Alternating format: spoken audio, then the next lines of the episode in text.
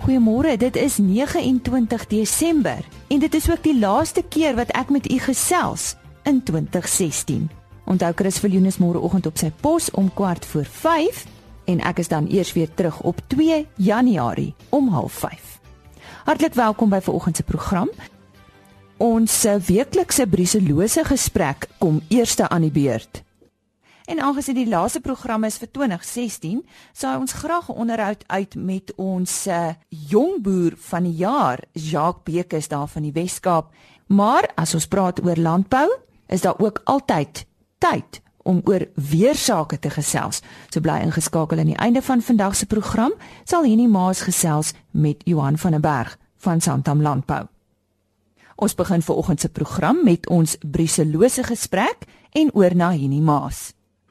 As 'n laaste bydrae in ons uh, reeks oor brucellose, gaan ons nou praat met die dekaan van die fakulteit uh, veeartsenykunde by onderste poort professor Darryl Abernethy. En ons gaan 'n bietjie met hom praat uh, oor die pad vorentoe, veral in die lig van uh, die onderwerpe wat ons uh, hanteer het. Uh, Darryl, wat sou die pad vorentoe wees? Um, good morning, Henny. Um, thank you for the opportunity to speak to you. In terms of going forward, I think the primary point is the need for collaboration between state personal farmers and the industry. In other words, it's too easy with a disease like brucellosis for each sector to blame the others farmers must take personal responsibility for biosecurity. They must make sure that the cattle that they purchase are free of the disease. Therefore, they must make sure as to where those cattle come from, have they been tested beforehand, are they free of the disease before they come onto the farm. They must also take responsibility for the vaccination of the animals. They cannot leave it to the state or to industry to do that. They must make sure that their cattle are protected, that if neighbors have that cattle do not come into contact with neighboring animals. At the same time, of course, the way forward is there's a huge responsibility on government. Government has limited resources, and therefore their primary role really is to coordinate the legislation, the policy, and the control of the disease. So they negotiate with industry, they negotiate with the farming um, representatives that together these groups can um, work to ensure that brucellosis is eradicated. Brucellosis is not a mythical disease. It is a disease where we understand the transmission, we understand how it spreads, and it can be controlled. But it takes all three groups to work together to make sure that happens. Daar is uh, sekere aanduidings wat jy oor wil wil praat, uh, belangrike fasette. Well, for me, you know, I've dealt with brucellosis um, in a number of countries around the world um, for over 20 years, and I always say that there's the, there are three key points, and I use numbers just to um, illustrate that. It's the numbers one, two, three. First of all, number one is the, what is the top priority? The top priority in brucellosis control is prevention. Farmers must make sure they don't let the disease get in. And that speaks a lot to biosecurity and vaccination. The most common form of entry, of course, for brucellosis is through contact with infected cattle, usually through purchasing animals or contacting at grazing. Um, I remember a farmer who was absolutely meticulous with his purchasing policy and his grazing policy. And one day a neighbor came to him. Um, he had trouble carving a cow. What he didn't know was that the cow had um, brucellosis. And he came to this farmer friend of mine and asked to borrow some carving equipment. He duly took the equipment, used it, and returned it without disinfection. Three months later, my farmer friend had a series of abortions in his herd directly related to brucellosis. So the individual farmer needs to take absolute care and be scrupulously careful as to the contact that his animals have with either infected or potentially infected other animals. The other point in terms of the top priority of prevention is he must or she must make absolutely clear um, that the cow that calves, or particularly the cow that aborts, does not spread disease to other animals in the herd.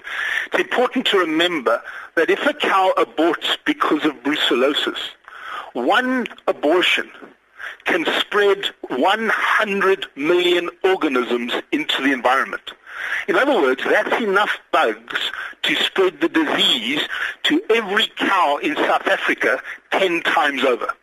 So you can imagine the effect in a herd if it's not vaccinated and the herd experiences two, three, four, or five abortions. So the managing of the cow around the calving period, in other words, the heavily pregnant, if she's a dairy, a dry cow, or the cow that's having calving difficulties or aborts, every care must be taken to make sure that she doesn't come into contact with other animals. And if she does abort, particularly on concrete or around other animals, that area is very carefully cleaned. So the top priority is to make sure that infection does not come into the herd. And that reports to biosecurity and of course also making sure that the vaccination status of the herd is right up to date. I would not wait for an, an annual or a biannual visit from the state services, but I would make sure that I acquire the vaccination and vaccinate that herd very thoroughly, even if there isn't any apparent risk. One of the things that's often missed with brucellosis is people do not realize that if a young animal, um, a young heifer or a calf, picks up the organism, the body has an sometimes a reduced ability to detect that bug. It doesn't react to the bug. The tests that we use can't pick up that bug, sometimes for three or four years. So you may sit there and you may think, my herd is clear of the disease. Three to four years later, that cow, which is now obviously a grown-up animal in the herd, can abort and spread disease. So biosecurity is the number one priority. The second one, the number two, refers to the fact that cattle brucellosis has two main hosts.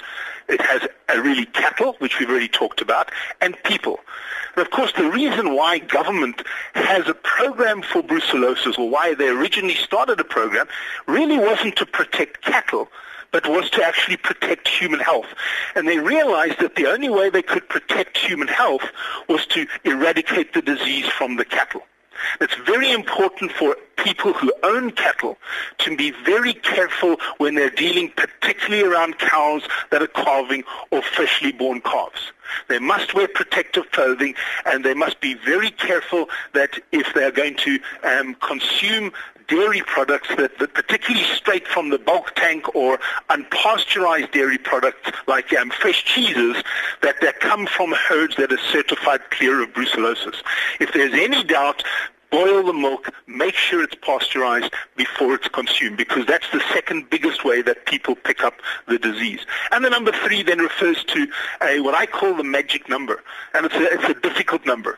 Number three is the number of years, in my view, that a farmer will lose sleep if his herd has been infected and is now clear or has been in touch, in contact with infected cattle.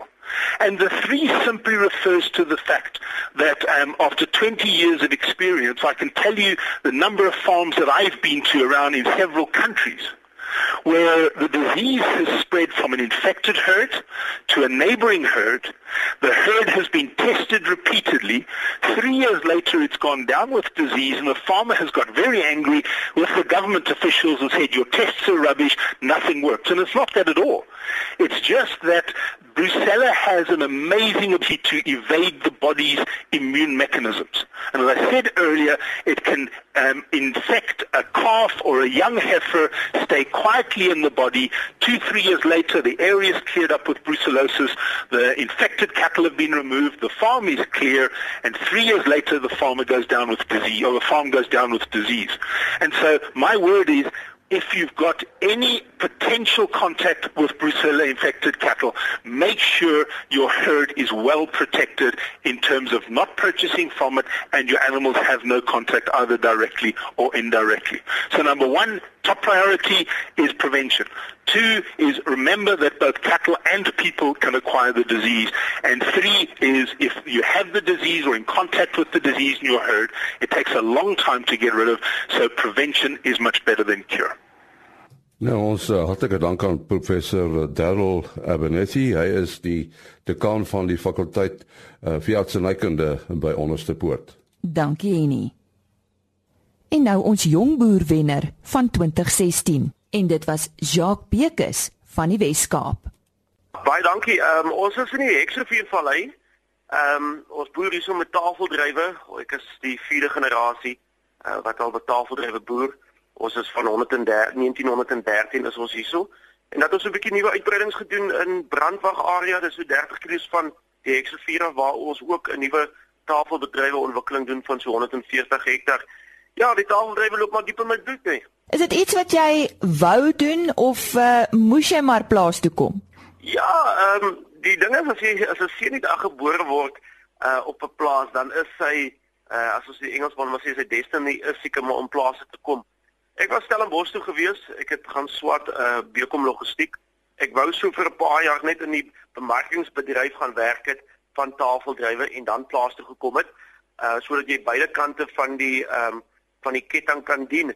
Dit het toe nie so uitgewerk ek moes bietjie vroeër plaas toe kom, maar ek is geensins ehm um, spyt dat ek vroeër gekom het. Ek het dit's lekker alles wat ek geleer het op Stellenbosch het ek kom toepas in ons boerdery. En vandag is dit kan ek kan mense sien die vrugte uh plukke mens van dit. Nou as jong boer vandag word jy geforseer om uh slimmer te boer. Wat kan jy sê moes jy toepas? Uh tegnologie is seker die belangrikste. Uh ja mense voorouers was geneig om op ouer maniere te boer. Hulle het nog steeds reg geboer. Uh maar ons het die ehm um, die nuwe tegnologie As ek kan uh voorbeelde gedry, ons het al ons besproeiingsstelsels het ons elektroniese gaan op Motorola stelsels. Ons het um, ons kan die vog in die grond meet met DFM probe monsters. Ag, DFM probes. Ehm um, ons het ons pakhuise, ons werk baie met hande arbeid.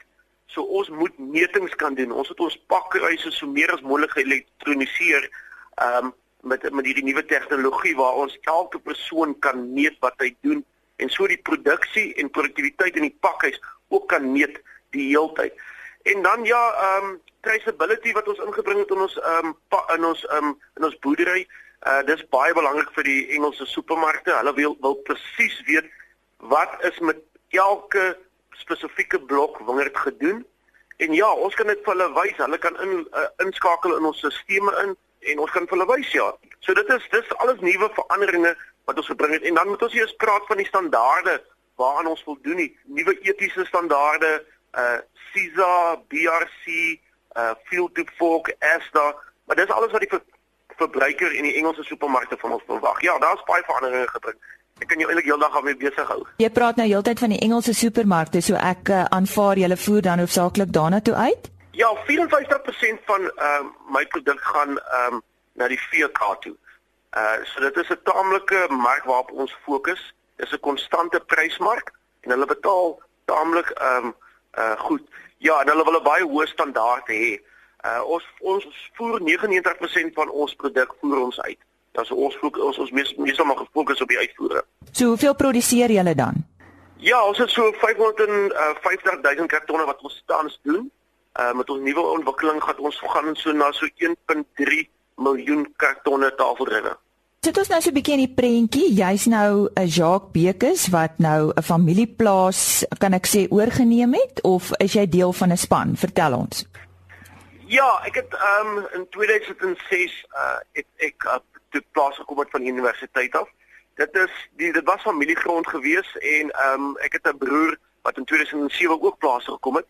En ons het gaan saam sit om die tafel. Ons het ons het in 'n maatskappy wat ons boer ons grond leen verskillende trust en wat by die maatskappye hier, wat die maatskappy hier het by die trust. En ons het gesê wat kan ons nou doen om dit te verander? En van die groot ding is in vandag se boerderye, jy moet ekonomie van skaal hê. Jy kan nie meer agterbly nie vandag gaan ehm um, jy moet heeltyd uitbrei. En so het ons ons eers ons produksie begin verander en op 'n ordentlike standaard gekry en toe kon ons weer begin grond bykoop het sodat ons 'n bietjie uh laat ons laat ons ons um, produksie kan verhoog, dat ons 'n rol kan speel in die mark daar buite. Ja, so dit is dis belangrik om te jouself te posisioneer vir jou doelwitte self uit te stel. Jy staan hier, waar gaan jy wil wees oor 10 jaar? En as jy by die 10 jaar merk kom, dan moet jy weer sit en sê, "Ja, ons moet ons het nou goed gegroei die afgelope paar jaar, dan moet ons weer vir ons nuwe teiken stel." Maar ons moet heeltyd uitbrei in in die landbou uh van anders kan jy agterraak. So wat is jou rol nou presies? Is is is daar sekere aspekte waarna jy kyk en sekere aspekte waarna jou broer kyk? Ja, elkeen dit is maar dit is maar 'n maatskappy. Uh elkeen het sy van verantwoordelikhede in die ehm um, in die maatskappy waarna hy moet omsien. So uh dit is belangrik um, dat uh albei mekaar kan invul en dit is wat mense ook wil sê. Uh baie ons is ons Afrikaners is geneig om uh, almal ons eie ding te wil doen. En dan wil ons gewoonlik families in die helfte skeer en sê jy moet jou stukkie grond neem en ek moet my stukkie grond neem en dan kyk ons hoe ons kan aan uh, aanploeter. Maar dit is verkeerd. Ehm um, van dan dadelik sny jy die die ekonomie van skaal in die helfte. So ehm um, elkeen moet sy spesifieke rol hê in 'n maatskappy, maar jy moet mekaar ook kan aanvul. Want dit is ongelooflik lekker as jy die dag by die huis kom en jy het iets goeds gedoen om met met jou broer te kan ges, kan gesels en sê Jesus ons is op die regte pad en uh, die teenoorgestelde om te sê as jy iets verkeerd gedoen het dan het jy 'n skouer om te buig. Ehm um, so ek is 'n groot voorstander van familiebesighede. Ek dink Suid-Afrikaanse uh landbou uh familiebesighede staan sterk in dit en ons moet daarop op op um um volbou of om daarop op bou op dit ja. Jy het nou vroeër in die gesprek ook gepraat van hande arbeid en dit uh, bly maar ook sekere uitdaging vir julle. Definitief. Ehm um, ons weet wat so 'n paar jaar terug veral in die heksuurvallei gebeur het met daai groot stakings. Ek dink dit het die ons arbeiders baie seer gemaak en ons as ehm um, uh produsente of boere ook baie baie seer gemaak want die verhoudinge was gebreek. Maar ons het dadelik weer daaraan begin werk en ek dink daar het baie goeie dinge ook uitgekom. Maar dit vat maar tyd om die verhoudinge weer te herstel. Maar as jy weer kan sien, almal is gelukkig en daar's 'n beter kommunikasie tussen die die die werkgewer en die werknemer tans. En dit is belangrik om jou arbeiders voortdurend op te lei. Stuur hulle na kursusse toe, ehm um, fokus op hulle selfbeeld, lig hulle op en op die einde van die dag sal jy sien jou maatskappy stap net sulke trappies na bo. Uh en jy kry net baie beter resultate. Ja, definitief. Nou ek weet die oordelaars op die ou en kyk ook na wat jy in die gemeenskap doen. Ehm um, is daar iets wat jy dalk vir ons kan uitlig? Ja, ek het ehm um, ek is 'n bietjie uh, betrokke by georganiseerde landbou. Ek is by Agriweskaap betrokke. Ek is by ons ehm um, uh, Hexwil Tafeldrywe Assosiasie as ek direkteur. En dan het ek so 'n paar ehm um, maande terug, uh, dit was in November, het ek 'n voorlegging gedoen aan ons uh, HTA direksie en gesê ons moet 'n landelike fokus bietjie op landelike veiligheid. En ons het 'n stelsel in plek gebring wat ek gehelp dryf het, uh, 'n buurtwagstelsel en vandag doen uh hierdie buurtwagstelsel ongelooflik goed. Ons het al baie suksesverhale gehad van 'n plaasaanval waar hulle ingetree het en wat hulle persone binne 8 minute na die aanval gevang het. Ja, dit is dit is belangrik om by jou gemeenskap betrokke te wees. Um jy moet jy, wat jy insit by hulle is is uh, is van kardinale belang, definitief. Op 'n meer persoonlike vlak, jy's getroud, kinders? Ja, ek het ehm um, ek is getroud met 'n Vrystaatse nooi. Uh, sy kom van tussen Sassel en Parys. En ja, ek het twee uh, pragtige jong blou oog dogtertjies. Uh uh ja, wat blonde hare het en ja, ek is, is baie gelukkig. Dankie. En wat doen jy andersins? Enige stokperdjies? Ja, ek is uh, uh hou van bergfietsry. Ek het uh hou van vlieg, mens kan nie bietjie kry net nie baie tyd om te vlieg nie. Uh want dit is 'n ding wat jy nogal staamlik moet fokus en gereeld doen. Ja, en dan bietjie golf so tussenin. Ja. Die Toyota Agri SA Jongboer vir 2016, Jacques Bekes van die Wes-Kaap. Ja, soos gewoonlik uh, hierdie tyd vir die maand praat ons met uh, Johan van der Berg van Santam Landbou. Nou Johan, uh, lyk by die die ooste van die land die kruine nogal reën, maar dit is eintlik die weste, die ou storie. Ja, en ehm um, is nogal interessant. Ek weet nie wie die N1 ontwerp of gesê die N1 moet loop waar hy loop nie, maar dit lyk regtig waarom vir te waterskeiding is omtrent.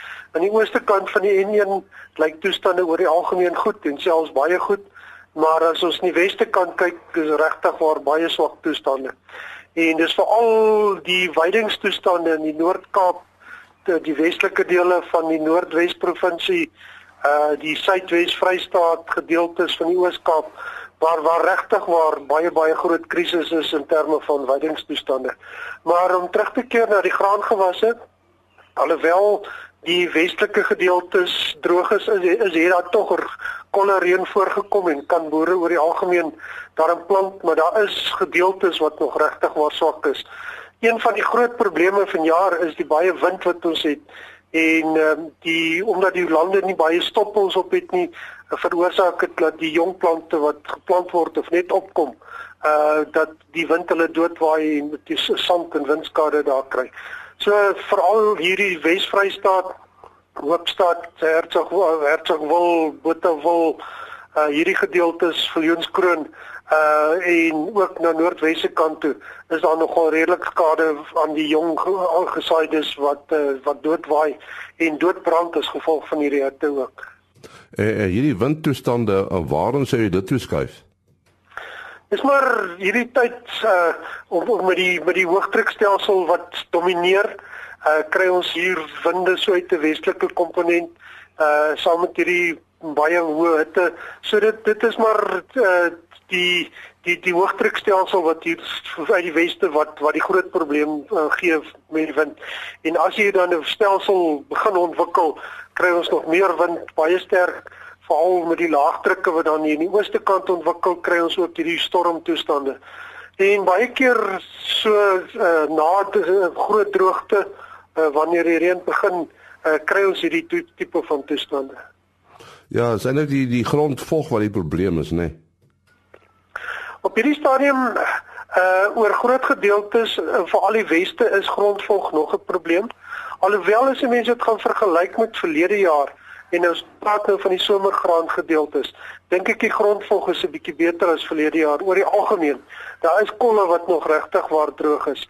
Uh maar oor die algemeen is daar 'n bietjie meer grondvog. Een van die groot probleme tans is die gewellige hitte wat ons ervaar. Uh dit is amper 'n groter probleem as wat die grondvog op hierdie stadium is. En natuurlik veiding uh die die lyn natuurlik nou skade as uh as daar 'n hoë hitte is. Dit is een van die groot probleme. En ons moet onthou ons sit al 3, 4 jaar in 'n droogte in in in groot gedeeltes van die land, hierdie westelike gedeeltes. So daar's bogemiddelde reën nodig om net herstel te kan uh, veroorsaak, nie eers produksie nie. En soos nou wat daar miskien 'n 20 of 'n 30 mm reën kom en dan weke later weer en tussen hierdie hitte wat wat kom, uh, is daar geen herstel van die veiding nie. Daar mag hier en daar 'n bietjie produksie wees, maar dit raak regtig waar 'n uiters groot krisis en uh die baie van die boere het geen finansiële reserves meer om voer te koop nie uh en daar is nie meer veiding nie so dit raak regtig waar 'n krisis of 'n ramp toestande wat wat al hoe meer vererger uh in veral die westelike gedeeltes van die land. Die hoë hitte, is dit nou maar 'n uh, soort van hitte wat intree na die droogte? Dis maar uh, onthou die die die groot oorsaak nou van die minreën is die hoëdrukstelsel wat hier oor die land geleë is en dit veroorsaak dalende lug en dit veroorsaak dan dat ons hierdie geweldige hitte kry. So sodra ons weer begin uh, dat laagdrukstelsels hier oor die land ontwikkel, dan sal dit weer verander. Maar nou sit ons hier met 'n statiese of 'n semi-statiese hoëdrukstelsel hier oor die land en dit veroorsaak net dat uh, die die die temperature net styg. As ek kyk na die korttermyn voorspellings uh van 'n klomp uh, van die websites uh, lyk dit tog asof die kanse vir reën daarom ook 'n bietjie verbeter selfs oor die westelike gedeeltes so die laaste deel van Desember en die eerste week van Januarie. Daar sê Jan van der Berg van Santam Landbou. Dankie Henny. En hiermee sê ons dan tot volgende jaar mag die laaste paar dae van Desember vir u opwindend wees. Hou maar matigheid voor o, geniet dit, wees terselfdertyd rustig. En ons sien uit daarna om weer te gesels op 2 Januarie 2017. Totsiens. Nou ja, ons het heelwat interessante en leersame stories op RSG Landbou hierdie jaar uitgesaai. Indien dit dalk die eerste keer is wat u RSG Landbou luister en u is uh nuuskierig om te sien wat ons hierdie jaar gedoen het, besoek gerus 'n webtuiste met die naam AgriOrbit. Dit is www.agriorbit.com rsg.com. Klik bo aan die bladsy op broadcast en dan RSG landbou en al die onderhoude wat ons uitgesaai het vanaf April 2016 word daar gelys. U is ook baie welkom om die gewone RSG webtuiste te raadpleeg vir die potgooi van elke program. Soek net onder potgooi vir RSG landbou. En hiermee sê ons dan tot volgende jaar mag die laaste paar dae van Desember vir u opwindend wees. Hou maar matigheid voor oë, geniet dit, wees terselfdertyd rustig. En ons sien uit daarna om weer te gesels op 2 Januarie 2017. Totsiens.